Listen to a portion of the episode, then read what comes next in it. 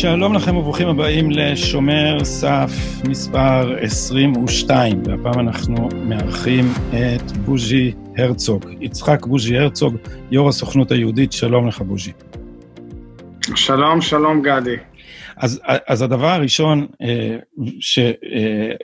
שבגינו התכנסנו כאן, זה שיחה שהייתה לנו, ובה סיפרת לי בין השאר שישראל עומדת כנראה לפני גל הגירה גל עלייה, בסוכנות אומרים עלייה, מה אני אומר הגירה?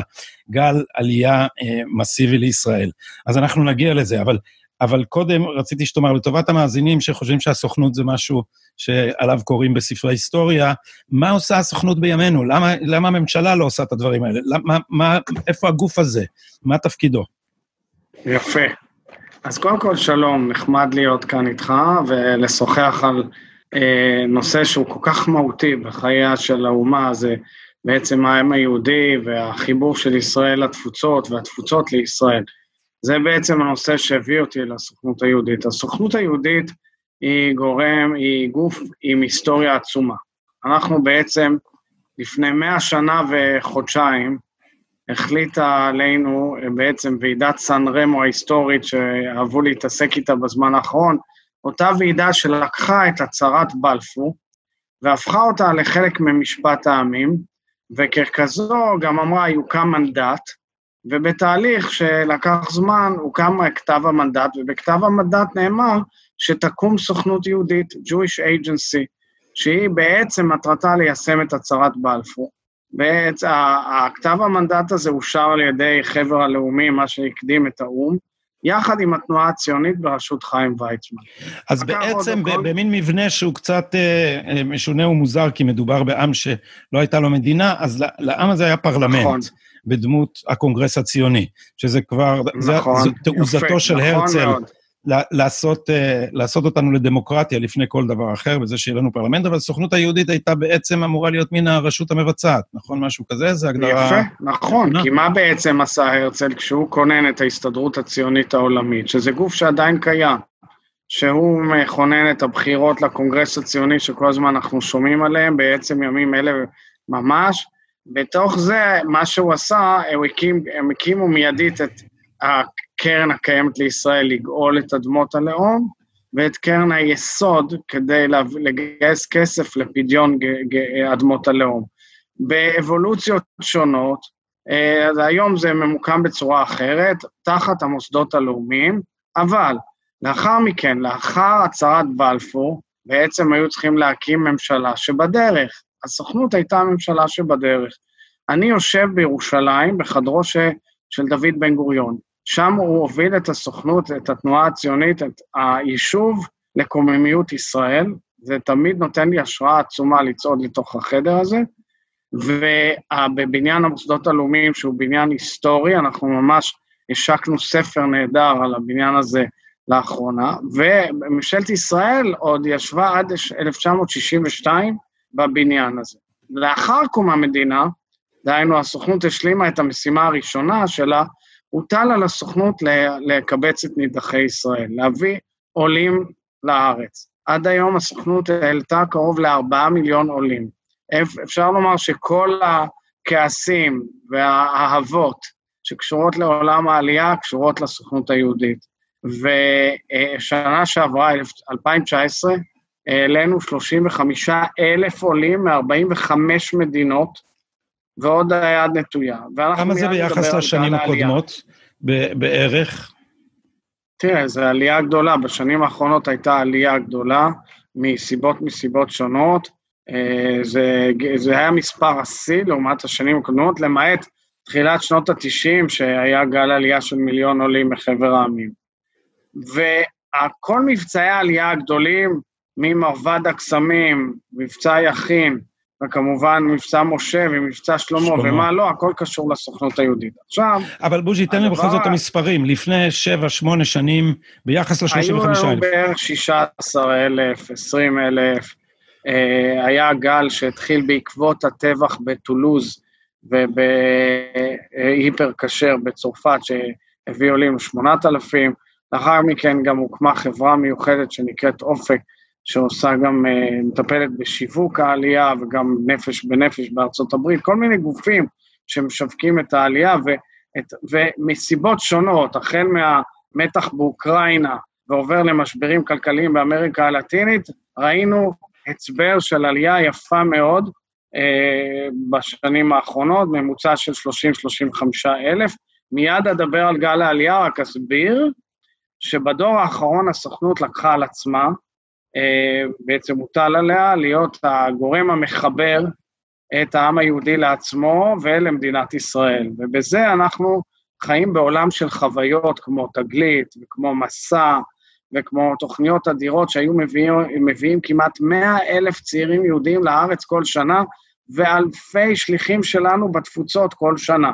למשל, בקיץ הזה עמדו לצאת 1,500 צעירים ישראלים למחנות קיץ בצפון אמריקה, להדריך וללמד עברית. הכל בוטל, כמובן שגם החוויות נמצאות תחת איום לא פשוט בעידן הקורונה. אנחנו עוסקים בהמון תחומים, המון המון תחומים של חיבור, של חיבור לעמיות יהודית, של הסברה וחינוך של החברה הישראלית, מה זה העולם היהודי בתפוצות, נושא שחסר מאוד בתודעה הלאומית, כמה שזה נראה לך מוזר, ובוודאי בהבנה מה הם חיים יהודיים עשירים, מגוונים ופלורליסטיים בתפוצות, וגם יש לנו זרוע משמעותית שמשפיעה על החברה הישראלית, יש לנו כפרי נוער, יש לנו 21 מכינות קדם צבאיות לקבוצות שהן אה, אה, עם אה, מה שנקרא מוחלשות יותר בחברה, יש לנו תוכניות העצמה אדירות ילדים ובני נוער במערכת החינוך, ועוד כהנה וכהנה תוכניות, ויש לנו מכוח חוק מעמד מיוחד מול ממשלת ישראל וכנסת ישראל. אה, אתם גם לאחרונה טיפלתם במשברים שאליהם נקלעו קהיליות אה, יהודיות בחו"ל בעקבות הקורונה. למה פונים לסוכנות ולישראל בהקשר הזה? קהילה שמאוד נפגעה, צרפת למשל. אנחנו הארגון היהודי הגדול ביותר בעולם. אנחנו בעצם פלטפורמה גלובלית וגשר שהוא מדהים, אני נשלט בפועל על ידי העם היהודי, אבל במעמד מיוחד מול ממשלת ישראל. אין, ממשלת ישראל לא נמצאת אצלי במה שנקרא בדירקטוריון או בחבר הנאמנים, אבל היא שותפה משמעותית בהמון המון תוכניות. וככזה אני עובד המון עם משרדים שונים, כמו משרד לענייני תפוצות, משרד ראש הממשלה, משרד העלייה והקליטה וכיוצא בזה. עכשיו, אבל, אבל מי שממנה אותך, מי שממנה את יושב ראש הסוכנות, זה כבר לא אה, ההסתדרות הציונית העולמית, זה, זה, זה תפקיד פוליטי במסגרת ישראלית, לא? לא, לא, לא, לא, לא, לא באמת, זה מורכב, זה בעצם במסגרת חלוקת כל התפקידים בתנועה הציונית, שעל חלקם אתה קורא במסגרות פוליטיות, אבל לפני עשר שנים, החליטו אה, בעצם הגורמים המשפיעים בסוכנות, הם הגורמים שמממנים אותה, הקהילות היהודיות בתפוצות, הפדרציות היהודיות בצפון אמריקה וקרן היסוד, יחד עם ההסתדרות הציונית העולמית, לשנות את המבנה המשטרי ולנתק את הסוכנות מההסתדרות הציונית, להפוך אותה למין גורם בת, חברת בת וזה גרם למצב שבו בעבר, מי שהיה בתפקיד שלי היה גם יו"ר ההסתדרות הציונית העולמית וגם יו"ר הסוכנות. לפני עשר שנים זה נותק, וגרם לכך שמערכת המינויים והסינון של בעלי תפקידים, כולל התפקיד שלי, אה, היא באמצעות ועדה מיוחדת אה, שמורכבת מעשרה חברים, שהם אלה שמייצגים את כל הגורמים הרלוונטיים, וצריך לקבל הסכמה של 90 אחוז, ואכן היו הרבה מאוד מועמדים, אבל הפנייה הועברה אליי, ואני, אה, ברוך השם, נעניתי בשמחה לאתגר לשרת את עמי בצורה אחרת. עכשיו אני אחזור גם לעוד מילה שלך, למה, שאלת על, על הקרן להצלת קהילות. כן. הקורונה פגעה בליבה של העם היהודי. מה זה הליבה? זה המפגש, זה המניין. המניין זה תפיסה מאוד עמוקה ביהדות. ואתה אומר, אני לא אחד, אני לפחות עשרה. ובאמת, החיים היהודיים סובבים סביב המניין, סביב בית הכנסת, סביב בית הספר, סביב גן הילדים, סביב המרכז הקהילתי, סביב ההרצאות בלילה והמס... והאירועים והחגים וכיוצא בזה. כל זה משותק. וגם המודל הפיננסי סובב סביב האירועים האלה. אני מאז שנכנסתי לתפקיד, הייתי הרבה מאוד בחוץ לארץ כדי להיות באירועים האלה. לגייס, לעודד, לחבק, לראות את הצעירים, לראות את המבוגרים. כל זה שותק, והרבה קהילות גילו לפתע פתאום שהן נמצאות על אברי פי פחת, הן צריכות להמשיך לממן את המוסדות, את השמירה, את הביטחון, את השירותים החברתיים, את הקשישים העניים, ולא היה להם בנמצא יכולת לתפקד. ואנחנו התגייסנו בקרן מיוחדת שהקימונו יחד עם השותפים שלנו, הפדרציות היהודיות של צפון אמריקה וקרן היסוד, כדי לסייע בהלוואות מיוחדות לקהילות, ותאמין לי, זה היה כמו נס. זה הציל עשרות קהילות שמצאו את עצמם במשבר, ובעצם מצאו את עצמם במצב שבו הן רואות שהן יותר מזדקנות, נשאר פחות הון. אתה יודע מה, ניקח קהילה שהסיפור שלה קצת פורסם, אז אפשר לדבר. קח את איטליה, בסדר? יהודי איטליה זה, זה, קהילת יהודי איטליה טוענת להיותה הקהילה הוותיקה ביותר בעולם. רומא טוענת שהיא 2,300 שנה, אפשר לשער, כמובן, מאז ימי הקיסרים והקיסרות, ועל האימפריה הרומית. כמובן שאתונה חולקת, הם אומרים, אנחנו לפניכם, אנחנו 100-200 שנה לפניכם. אבל איטליה גם עברה את השואה, כזכור, והיום נותרו 22 קהילות, 20 אלף יהודים, קהילות היסטוריות כמו ונציה וליבורנו וגנוע וכולי, והם מצאו את עצמם משותקות לחלוטין, ממש ממוטטות. אנחנו סיפקנו להם לא רק כלים פיננסיים, אפילו מוצרים היגייניים ואוכל ומזון. זה היה הסולידריות היהודית, אם אין הלילי מילי, אבל גם. אה, אבל, אבל אנחנו, אה, מה שנקרא, ואהבת לרעך כמוך. אז לא רק סולידריות בתוך החברה הישראלית, שאנחנו הפעלנו בכלים עצומים בתוך המשבר הזה, אלא גם כסולידריות לקהילות, וקרן ההלוואות הצילה את הקהילות הללו. אבל הקהילה בצרפת היא קהילה גדולה ומבוססת. אה, היא נפגעה באופן אה, מאוד משמעותי, כמו צרפת כולה, מהקורונה, והבנתי מדברים שהחלפתי עם, אה, עם לירון, אחד מעוזריך, שאתם ממש, שהיה סיוע של של הסוכנות לקהילה הצרפתית, וזה היה נשמע לי מוזר, כי, צור, כי, כי בכל זאת מדובר באזרחים צרפתים. זה בהחלט, אה, נכון, כי קח את צרפת, צרפת זה 400 אלף יהודים. עכשיו, 400 אלף יהודים, זה 400 אלף, זה חמישה אחוז ממספר אוכלוסיית ישראל. בצורפ... בישראל אה, נפטרו לו עלינו למעלה מ-300 אה, בני אדם בקורונה, בצרפת, בקהילה בלבד 2,000. אתה מבין את המכה? כן. וזה בעצם חשף את החופשה, כי יש הרבה קהילות קטנות. אבל איזה עזרה הם צריכים מהסוכנות פרופס... בישראל, שהם לא מקבלים מהממשלה? כולל עם פרופסור אה, אה, שוורצמן, שמאוניברסיטת, אה, אה, ממכון ויצמן, זה שהוא מייעץ לראש הממשלה, אותו ואת הצוות שלו הבאנו כדי להכין אותם לגל השני, שהיה כאילו, ול...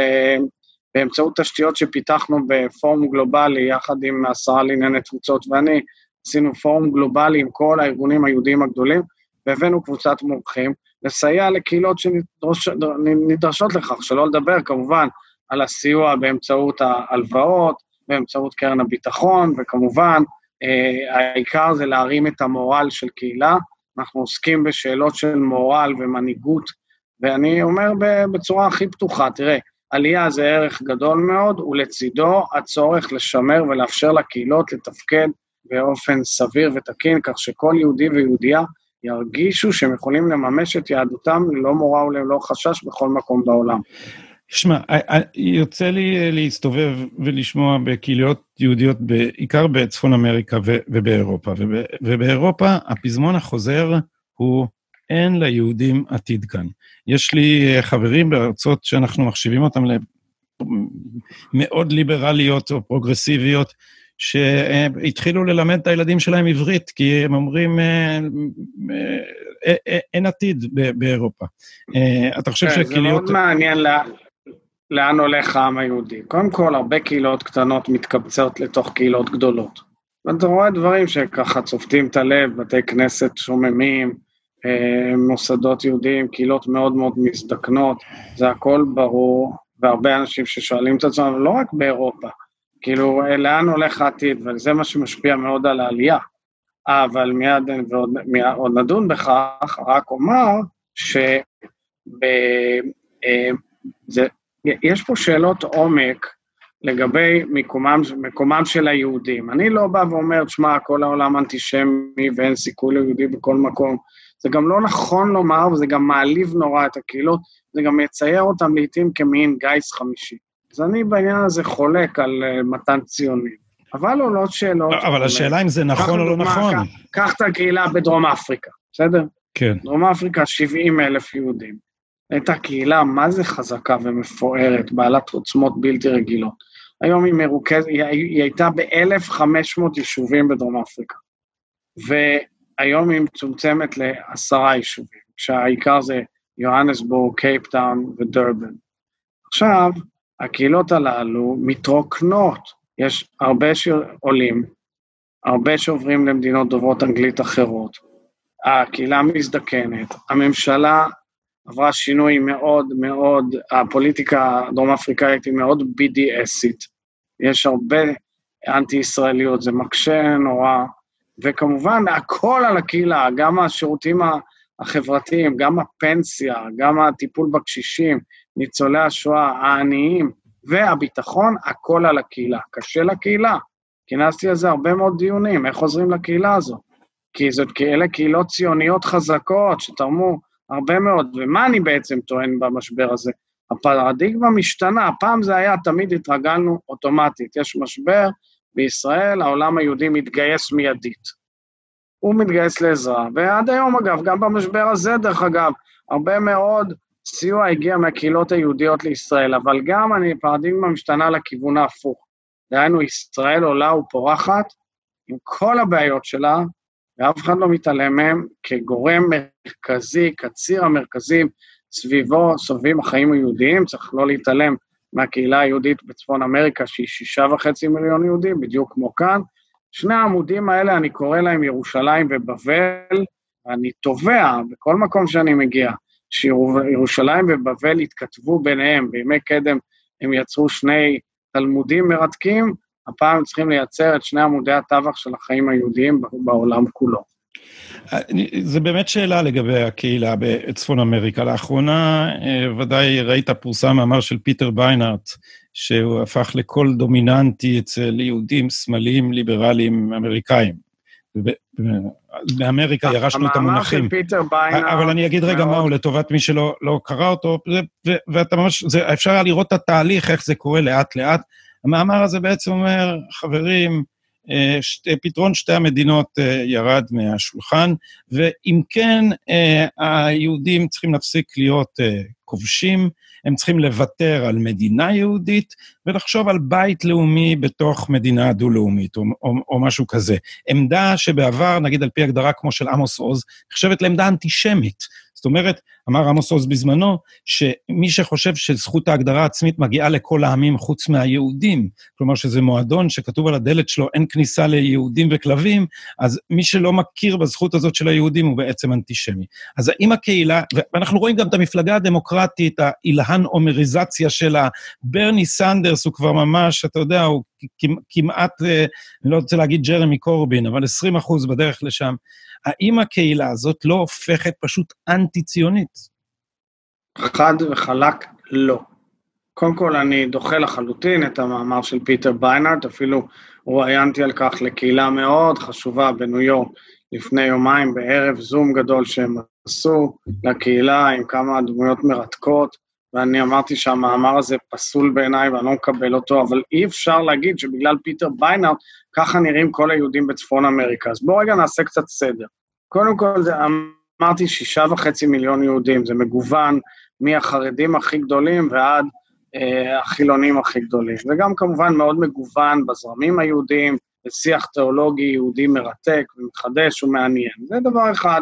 שתיים, צריך לזכור שבתוך אמריקה משתוללת, אה,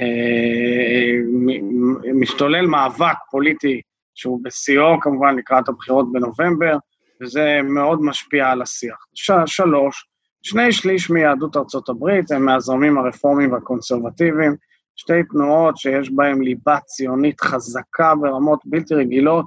אתה בא לבית כנסת של כל אחת מהן, דגל ישראל באמצע, וכולם מתפללים לדגל ומתפללים את התפילה לשלום המדינה, שזכה סבי, הרב יצחק אייזק הלוי הרצוג, אה, זצ"ל לחבר אותם, וכמובן שהיא אה, נאמרת בכל בתי הכנסת האורתודוקסיים הרלוונטיים, לא חוץ מהנטורי קרתא. עכשיו, בתוך זה יש שיח ליברלי מאוד מאוד חזק, שמאלי, שבאמת לעיתים גולש לתחומי BDS בצורה מאוד מטרידה. זה נושא שמעסיק הרבה מאוד את כל הזרמים. מעסיק מאוד מאוד מאוד, תדע לך, זה מאבק בתוך תנועות הנוער.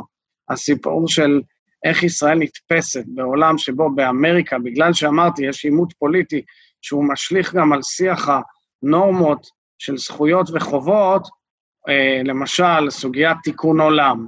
בארצות הברית מאוד אוהבים לדבר על תיקון עולם.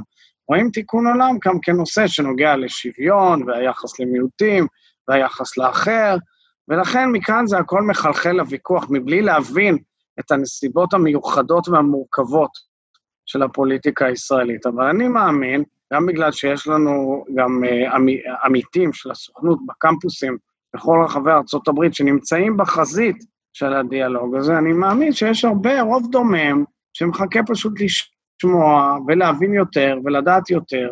יש בתוכו אהבת ישראל גדולה, אתה רואה את זה גם בתוכניות כמו תגלית, מסע ואחרים, והם צריכים, מותר להם גם לשאול שאלות, אני לא מפחד מכלום. אני חושב שמתחת לאוהל צריכים להיות כל מי שרק מוכן להיות, ובלבד שהם לא מכירים ב-BDS. ואז במצב כזה אתה אומר, גם ימין קיצוני וגם שמאל קיצוני, אני מוכן שיהיה מתחת לאוהל ואני אנהל איתו דיאלוג מה נכון ומה נכון לעם היהודי ולמדינת ישראל. אבל המפלגה הדמוקרטית באמריקה, אה, בשמונה שנים של אובמה, אה, הלכה ונעשתה אנטי-ישראלית, למרות הרטוריקה המנומסת, העבירה החלטה... וגם תיזהר בקביעה אה, הזאת. אני, אני... מאוד מאוד תיזהר, תיזהר מאוד. יש שם כוחות, אבל לא כולם לא נזהר. לא. יש, הקהילה היהודית נלחמת חזק אובמה כבר היה... אובמה כבר, זה לא אילן עומר, אובמה עמד בראש המפלגה הזאת, והוא הקדוש שלה עד היום, והוא ניסה להעביר החלטה שתקבע את גבולות 49 בתור הגבולות הבינלאומיים, דבר שהיה מכניס את ישראל לפינה שבעיני לפחות מחצית מהישראלים היא מאוד לא נוחה. אנחנו למדנו לאחרונה שכנראה הדבר הזה נבלם ב... על ידי פוטין מכל, ה, מכל האנשים בעולם. אבל אם, אם זה היה אובמה... אתה מדבר על החלטת מועצת הביטחון שהייתה מרתקת. כן, כן, כן. ואני אני רק אומר כך, תראה, אני, אני לא חושב שזה נכון להיכנס לפינה הזאת כעת. אני, למה? כי אתה אז שם את זה, היום יש את ג'ו ביידן, שהוא איש מרכז פוליטי, אה, שתסתכל גם את העמדה שלו על אייפאק, שהייתה עמדה חשובה מאוד. אני ממש לא חושב שנכון שאנחנו ניכנס לזה, כי יש לי הערכה עצומה אה, לארצות הברית, למש, למשטר הדו-מפלגתי, להצלח, לתרומה של הממשל הנוכחי לביטחון ישראל, אגב, וגם לממשל הקודם בכמה דברים. ובוודאי להחלטה של הנשיא אה, טראמפ להעביר את השגרירות האמריקאית לירושלים, שהחלטה חשובה והיסטורית. כן, אבל לא, אבל, אני, מפחד, אבל אני, אני, אני מבין מה אתה לא רוצה להגיד. יש מאבק, לא, אל תעשה הכללות, יש מאבק גדול מאוד מאוד, ואנחנו, יש זרמים פורצים באמריקה שצריך לדעת להתמודד איתם. כמו שיש לך white supremacist בצד השני, עליונות לבנה. אבל יש... להיזהר מזה. אבל יש 70 אה, אחוז מהיהודים מצביעים למפלגה הדמוקרטית, וכל התחזיות אה, אומרות שהמפלגה הדמוקרטית עלולה להיות אה, אסון לישראל, בעיקר אם היא תחזור לעסקת הגרעין עם איראן, ואני מבין שאתה בצו שבו אתה נמצא, אבל, אבל זאת הרי בדיוק הנושא במובן מסוים. האם לא, האם לא, אבל תן לי לשאול את השאלה, בוז'י, תן לי לגמור את השאלה בבקשה. השאלה היא, האם אנחנו לא נמצאים לקראת פילוג רבתי בין שני העמודים, בין בבל לירושלים, אם, אם לנקוט בלשונך. חס וחלילה ואני, וחס. ואני אגיד לך איפה אני רואה את הדברים האלה. חס וחלילה, וזה יהיה אסון בגודל היסטורי, שעלינו למנוע אותו בכל מחיר. והחיבורים הם הרבה יותר עמוקים, וגדי, אני חי בתוך זה, זה הרי אני שקצת ניג'ס לך, אני חי בתוך זה, זה הרבה יותר רחוק, יש תסכולים ויש כעסים. ותזכור שיש אה, אה, בתוך השישה מיליון אחוז גדול שהוא unaffiliated, הוא לא מעורב, זה אחת הבעיות הגדולות של עתיד העם היהודי בצפון אמריקה, ולכן השאלות הן הרבה יותר מגוונות ומורכבות, הרבה יותר. זה אי אפשר לבוא ולהכליל באחת. במפלגה הדמוקרטית יש ידידי ישראל אמיתיים, ויש גם כוחות מאוד מאוד מסוכנים שנלחמים בנו, זה נכון. אבל אי אפשר לבוא ולהגיד, אתה יודע, אני, זה כמו שאני אגיד לך, שיש המון המון אנטישמים ימניים בצד הקיצוני ימני של המפלגה הרפובליקנית, כי יש אנטישמים, כי KKK של דיוויד דוק מוציא אמירות מטורפות על היהודים בקורונה. אז אני רק מבקש, בוא, יש רוב דומם גדול, יש מרכז גדול, ואני הייתי, אני נזהר, אני מתנגד בנחרצות לקביעה שהולכים לפילוג. אני נלחם במה שנקרא השבר הגדול שנולד ממשבר הכותל ומענייני הגיור וההכרה, ואני הולך לכל הדמויות המשפיעות במדינת ישראל, כולל גדולי הרבנים, ואומר להם, תלמדו לאהוב את אחיכם ואחיותיכם בתפוצות.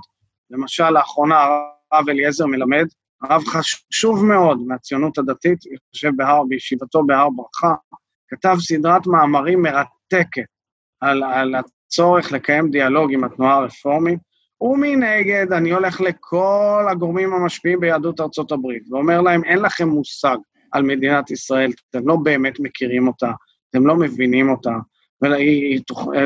וזאת חברה, חברת ייעוד שעוברת אבולוציות מרתקות, ולפני שאתם קובעים בהכללה, כמו המאמר הזה של ביינארט, שהוא מעמד, מאמר שפסול בעיניי מעיקרו, תלמדו את העובדות לפני שאתם קובעים עובדות כאלה. ואני חושב שאני מצליח לאט-לאט, נכון שיש ימים קשים, אבל ברוב הימים לנסות להרגיע ולהביא יותר אנשים להיגיון. אה, עם אמריקאים יש, אני חושב, אה, קושי ספציפי, ולא רק כי הקהילה הזאת מצליחה, ולכן יש לה חלק ממה שהיה לקהילת יהודי גרמניה בתקופת אה, יסוד הרפורמה, שהתפיסה של היהדות כלאומיות מאיימת על חלקה. זאת אומרת, חלק צריכים לנסח את הזהות של עצמם כ... מיעוט נאמן בתוך החברה האמריקאית, ולא להיות חשוד בנאמנות כפולה. האם אתה נתקל בצורך להתמודד עם, ה, עם הדילמה הזאת שלהם? מרתק, ממש לא. אני חושב שזה משקף את הביטחון העצמי הגדול של יהודי ארצות הברית, אה, שבתקופה הסוערת הזאת, אגב, מתערער וגורם, קצת מתערער, לא, לא בהכללה, אבל גורם לזה שיש יותר עניין בעלייה מצפון אמריקה. זה מאוד מאוד מעניין, אבל לעולם לא עלתה שאלת איך, למה יש העניין? הכפולה. למה, למה יש יותר עניין בעלייה? ש, בגלל שהמתח, השסע שקורע את ארצות הברית מבפנים בתקופה הזאת, שמתחיל בהפגנות הגדולות שראינו לאחרונה כתוצאה ממתחים חברתיים גדולים, והתחושה שהאם ומה עתיד החיים היהודיים במקומות שונים, מעוררים עניין גדול בעידן הזה בעלייה, לא בהכללה. עוד פעם, אני קובע ואני מזהיר, לא בהכללה. בהכללה אפשר לומר שהקהילה היהודית בצפון אמריקה מאוד מבוססת, מאוד יציבה, מתמודדת בצורה מדהימה עם הקורונה ומאורגנת מבחינה ארגונית תחת האמברלה של ה-Jewish Federations of North America בצורה מאוד מרשימה. אבל אתה שומע קולות, שאנשים שאומרים לך, תראה מה, השאלה לאן זה יגיע, המתח הזה, לאן מגיע המתח הפנימי, שמנינו אותו עכשיו בין הכתבים, זה משפיע על יהודים. עכשיו אני אספר לך סיפור. בעצם, בשנות ה-50, כשאבא שלי ואימא שלי הגיעו. אבא היה הנספח הצבאי הראשון של ישראל בארצות הברית, היה בשנת 50, הגיע לשם כאיש צבא, אז אה, ההורים שלי ניסו לשכור דירה בוושינגטון. וכל פעם שהם אמרו שהם ישראל או יהודים, טרקו להם את הדלת. ממש כך, אבא כותב את זה בזיכרונותיו. ועד שהם מצאו בית שהם יכלו להשכיר. כלומר, אז לא השכירו לא ליהודים ובוודאי לא לישראלים.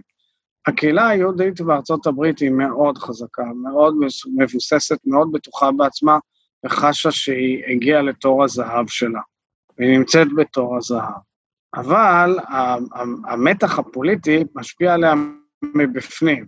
זה מאוד מאוד מקשה עליה, אני רואה את זה גם באירועים מאירועים שונים. ועם זאת, בוועידה כמו ועידת איפא"ק היו 20 אלף איש, שזה מופע מדהים של תמיכה ואהבה. ולכן אני חושב שהקהילה מתמודדת כל הזמן עם אתגרים מתחדשים, אה, שואלת את עצמה שאלות, יש לה מוסדות רוחניים ואקדמיים מרשימים. נושא אחרון שעולה בהקשר של לאומיות, נושא אחד מעניין. אתה שואל את עצמך, למה, נגיד, כשאתה בא לארגנטינה או לקנדה, או לאוסטרליה, המוס... הדבר הדומיננטי בקהילות הללו זה החינוך היהודי. שבעצם מה שמחזיק חזק את הקהילה זה בתי הספר היהודיים. איך יכול להיות שבארצות הברית רוב הילדים לא הולכים לבתי ספר יהודיים, הם הולכים למחנות קיץ יהודיים, דבר שמאוד מחזיק אותם, אבל בתי ספר לא. ואני בוגר בית ספר כזה, רמז בניו יורק. והתשובה שקיבלתי באחד מהכנסים שלי הייתה, תשמע, הדור של ההורים רצה כל כך להתערות באומה האמריקאית, שהוא לא רצה שיאבחנו את הילדים שלו כהולכים לבית ספר כאילו סקטוריאלי. זה דבר הגיוני, באמת, דורות ההורים רצו להיות All American, וזו שאלה גדולה, לאן זה יוביל אותם. אה, אז בוא אני אספר לך סיפור אה, נגדי ובעיניי מאוד מפחיד. אה, אתה ודאי מכיר את יגאל כרמון, שהוא הנשיא של, של ממרי. ממרי. שמתרגמים מדיה מהעולם הערבי, וזה דבר, אני, אני מאוד ממליץ לכל חבריי לעשות מינוי על ממרי. מצוין ומכון מצוין. אני ויגאל עבדנו יחד על, על, על מאמר, בינתיים לא הצלחנו לפרסם אותו. כי, כי ממרי עשו מחקר על מסגדים בצפון אמריקה. והתברר שבאחוז גבוה מעל 90 אחוז ממה שהם הצליחו לסקור, מדובר בצמיחה של אנטישמיות ברמה אה, שכמוה אנחנו שומעים אה, מאיראן או שמענו מהתנועה הנאצית. הארגונים היהודים, למעט הימין, שמיעוט ו, ו, אה, ומסיבות שאולי נגיע אליהם לא מקשיבים להם, מהמרכז והשמאל, אף אחד לא היה מוכן לפרסם את זה. הולך, יגאל הסתובב בקהילות האלה ואמר, חברים, זה סכנה שהולכת וגדלה, יהיה מצב כמו בצרפת בעתיד, אם לא, אם לא יעשו משהו בעניין הזה. והאנשים האלה, שהם מנהיגי קהילות, יותר פחדו מהתווית אסלאמופוביה מאשר מהאנטישמיות עצמה. אז אולי... זה ראש מאוד אמריקאי, אתה צריך להבין את הראש היהודי האמריקאי.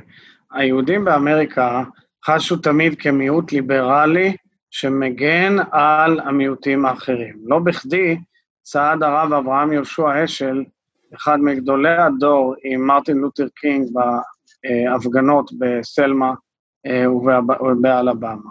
עכשיו, מה שקרה הוא כמובן שהתחיל מתח בין הקהילות בתחומים ותחומים שונים, למרות שבהרבה מקרים גם חיים ביחד, מאוד צמודים בקהילות. צריך להבין את זה, אנחנו חיים מבחוץ, נותנים ציונים. קח את פיטסבורג. אז קודם כל, פיטסבורג היה נקודת שבר נוראית. 2019, 11 יהודים נטבחים בבית הכנסת הקונסרבטיבי עץ החיים בפיטסבורג. עכשיו, האדם שנכנס עם נשק הוא גזען לבן, צעק בכוח kill all the Jews וטבח 11 יהודים. לאחר כמה זמן היה אירוע דומה בפאווי בסן דייגו, עוד גזען לבן, עוד אחד נכנס kill the Jews, רצח אישה ופצע, שם נלחמו בו. בפיטסבורג, אני הגעתי לפיטסבורג, uh, אחרי נפתלי בנט שהיה כמה ימים לפניי, אני הגעתי לשבעה ולשבת שלאחר השבעה. ואני הגעתי לכמה בתי כנסת, ובבתי הכנסת, תפילת שבת, תפילת בוקר, מגיעה משלחת ענקית של התושבים המוסלמים של פיטסבורג, ומתקבלת בברכה עצומה בתוך בתי הכנסת. והמנהיגים מדברים עם המנהיגים, ומסתבר שהם משתפים פעולה בפעילות חברתית כבר הרבה זמן. מאוד מורכב להם להתחיל לחלק ציונים למרות שאחרי 9-11 ללא ספק זה אה, הציף סוגיות שנוגעות אה, לנושאים הללו, ולכן אני חושב שיש רגישות גדולה מאוד. עד היום נרצחו יהודים, תחשוב שמאז הולדת ארצות הברית, יהודים לא נרצחו בשל יהדותם, אלא בדור הזה, במשמרת שלנו, על כן. ידי גזענים לבנים. כן, היה אירוע עכשיו, היה עכשיו אירוע שנרצחו שלושה יהודים בג'רזי סיטי, ששם יש טענה שזה אולי על ידי מוסלמים, אף אחד עוד לא. אבל, אבל בוז'י, לגנות את הגזענות הלבנה זה קונצנזוס, וזה מתאים ליהודים שהם שמאליים, וזה קל להם. הנה היה מקרה שזה דבר, שזה דבר קשה ל, ליהודים האלה, ל, ל, כי, כי לבקר את האסלאם אסור, וזה לא PC, ולינדה סרסור בראש מצעד אנשים. למה זה לא פורסם בוול סטריט ג'ורנל או בעיתונים ימניים? מאותה סיבה בדיוק. הם לא רוצים להתחיל ליצור משחק האשמות בין דתי.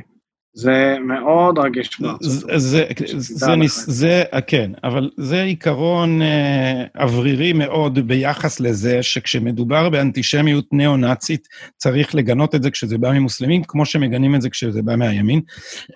אם אתה שואל אותי, אם אתה שואל אותי... חד משמעית נכון. אם אתה שואל אותי, אין להם אומץ לעשות את זה. הם, הם, התרבות, לא, האמת שפעם ראשונה שאני שומע על האירוע הזה, ולכן אני שומע על זה פעם ראשונה, ולכן אני לא מתייחס לעובדות הספציפיות. אני מסביר לך, תראה, אמריקה היא, היא, היא, היא אניגמה מבחינתנו בכלל. אמריקה נמצאת במתח גדול, זה לא סוד, אתה יודע את זה. היא אניגמה.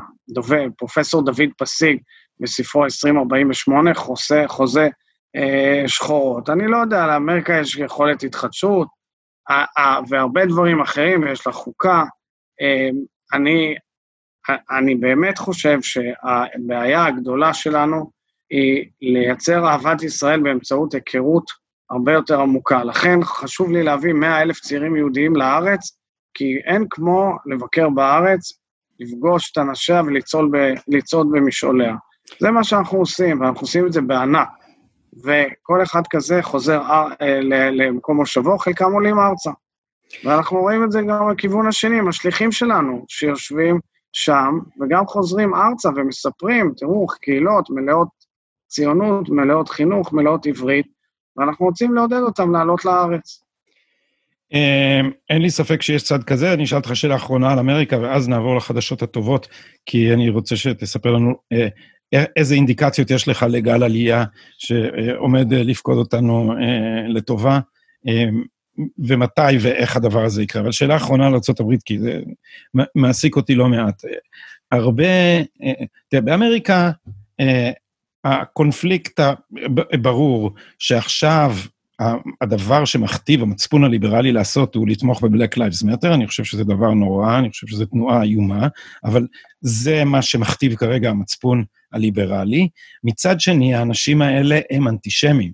כמו שבמצעד הנשים, שמי באמריקה חולק על זכויות נשים, בראשו עמדה אנטישמית בשם לינדה סרסור, תמיקה מלורי, זו חברה של לואיס פרקן, שקורא ליהודים טרמיטים, או משווה בין יהודים לטרמיטים. נכון מאוד. שם הדילמה הזאת ברורה. לינדה סרסור היא שונאת ישראל מקצועית.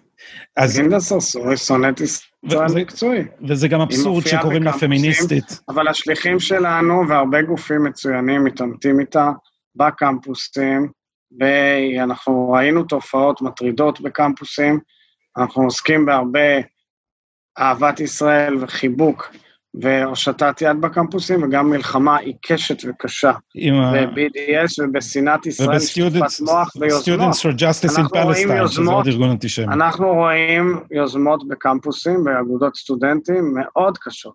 ואנחנו נמצאים בחזית של המאבק הזה יום-יום, שעה-שעה. זה אחד מ... מאורות ה-BDS החמורות ביותר שיש.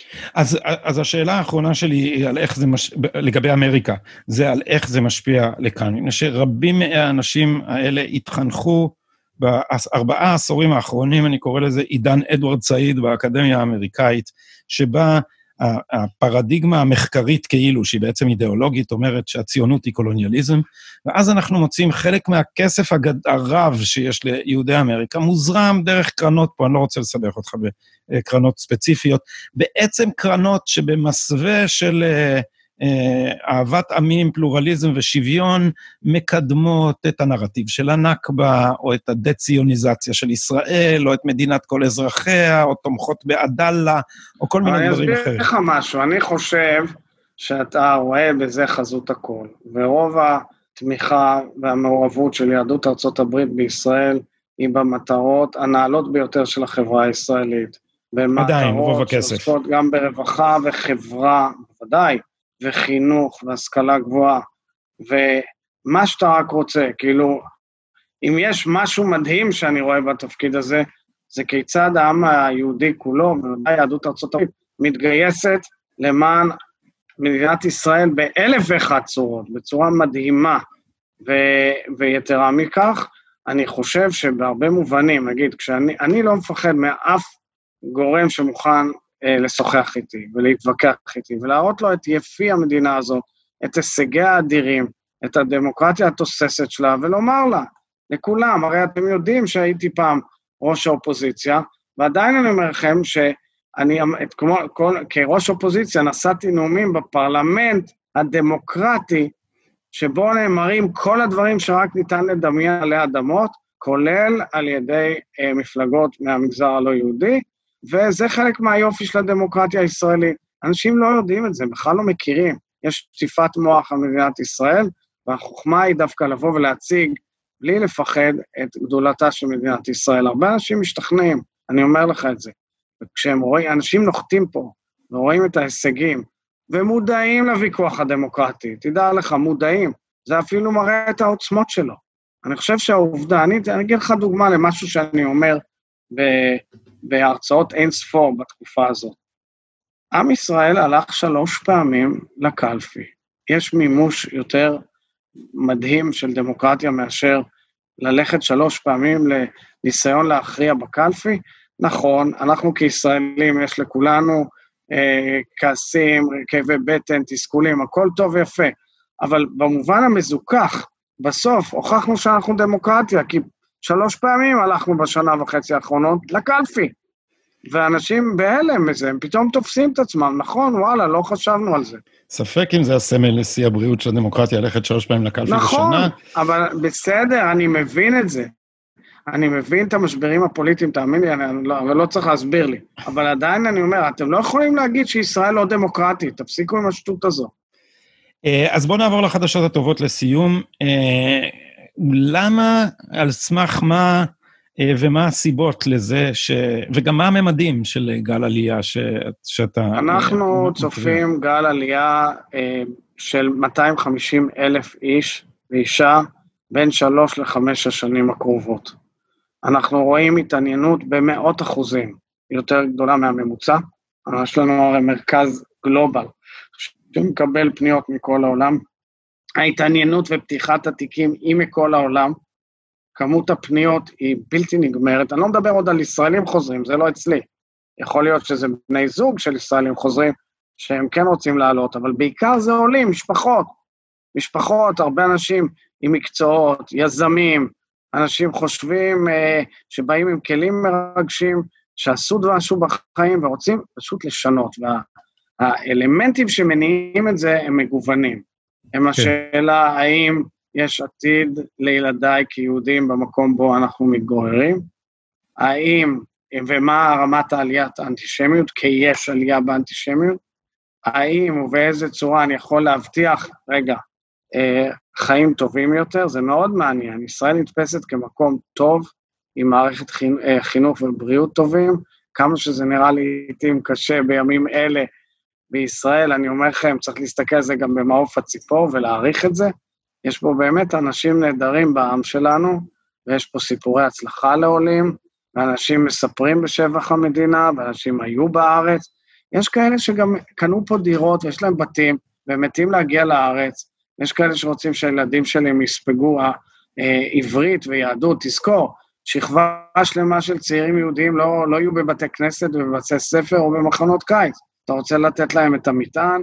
יש המון אלמנטים, אנחנו קוראים לזה push and pull factors, זה פשוט תופעה, עלייה היא כשלעצמה תופעה מטאפיזית יפהפייה בעיניי, של, אה, של עמנו, מימוש החזון הדורות והכיסופים של הדורות, ובאמת אנחנו רואים את זה בצורה שהיא הזדמנות פז, ואני קורא לממשלה, לממשלת ישראל, אנחנו עובדים צמוד מאוד עם משרד העלייה והקליטה והמשרד לענייני נפוצות, אני חושב שגם ראש הממשלה זה הזדמנות, והממשלה, ולבוא ולעבוד איתנו על תוכנית לאומית, תוכנית חומש לקליטת עלייה בתקופה הקרובה. מאיפה העולים האלה בעיקר? תראה, אנחנו רואים אה, אה, עלייה דרמטית של פניות מארצות דוברות אנגלית. אנחנו רואים את שיא הפניות ממדינות דוברות צרפתית.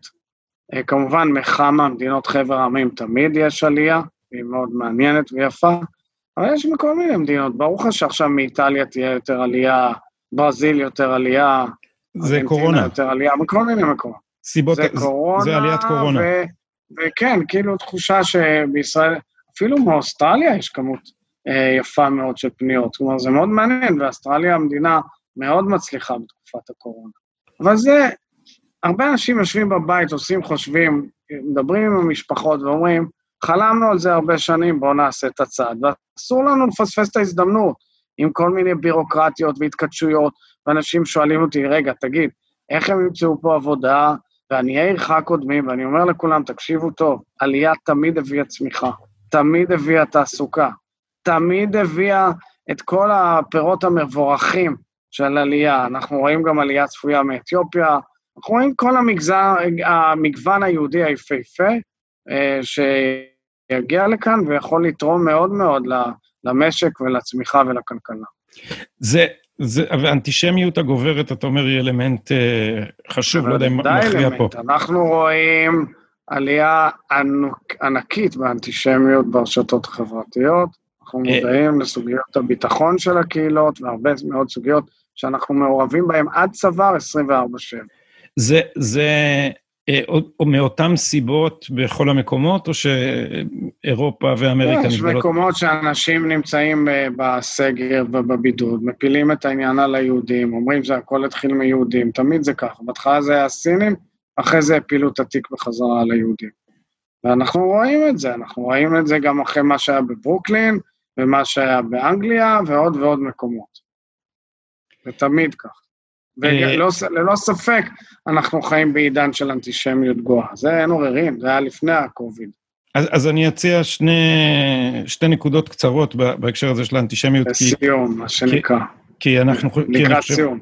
בהחלט. כי אני חושב שיש שני סוגים של סיבות עכשיו. אה, אנחנו רואים עלייה של אנטישמיות במקומות שהקהילות המוסלמיות גדלות. אני, את חלק מהסיפור שהבאתי לך מפי חברה שלי בשוודיה, ששם אה, ההגירה הביאה למצב בלתי נסבל לחלק מהיהודים. במקומות אחרים אנחנו. שם יש קהילה אחת שסובלת מאוד מאוד מאוד מלמו. מעימות, כן, במלמו.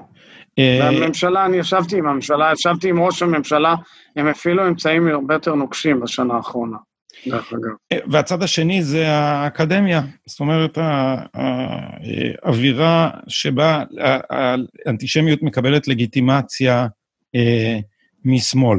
אז, אז יש לנו את, את אירופה... בסדר, אז לא צריך להפקיר את הקמפוסים, אנחנו עובדים בקמפוסים, אנחנו נעזרים בהרבה מאוד אנשי אקדמיה מצוינים בישראל.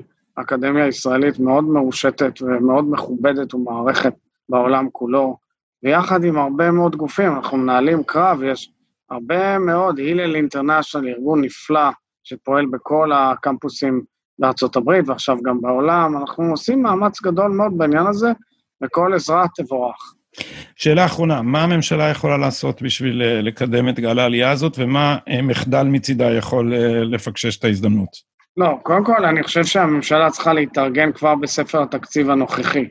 להתארגנות בתוכנית לאומית מיוחדת, להתארגנות לעלייה, כי אתה צריך לדבר על כל המכלול, דיור ותעסוקה ו... וחינוך וכל הסלים הנדרשים לעולים. אה, זה כבר לא גל קטן, זה גל גדול, ואפשר להתכונן אליו בצורה מסודרת, יחד איתנו, עם העם היהודי כולו. הסוכנות אחראית להבאתם לארץ, ופה בארץ אנחנו בעד מכלולים חדשים, כולל קליטה ישירה בקהילה, אה, רשויות מקומיות, שלטון מקומי מאוד מעוניינים בזה בכל רחבי הארץ. זה מרתק, זה מעניין וזה מרגש. אתה יודע, לא מזמן הלכתי למרכז קליטה שיש לנו של צעירים בודדים שעלו ארצה. חבר'ה נהדרים. אמרתי להם, אתם יום אחד תספרו שהתחלתם את דרככם בול בקורונה. תסתכלו אחורה, נמצא אתכם בכל מיני פוזיציות משפיעים על החברה הישראלית. בכל המקצועות, ואיך אומרים, שמחתי לפגוש רוח של צעירים, חלקם אגב עבדו מעבודות מזדמנות ודחק, התחילו ללמוד שפה ופוטרו מיד או יצאו לחל"ת. בוז'י הרצוג, יושב ראש הסוכנות היהודית, אני מודה לך על השיחה הזאת. גדי, תודה רבה על השיחה המרתקת והמאתגרת. תודה, נשתמע, להתראות. כל טוב.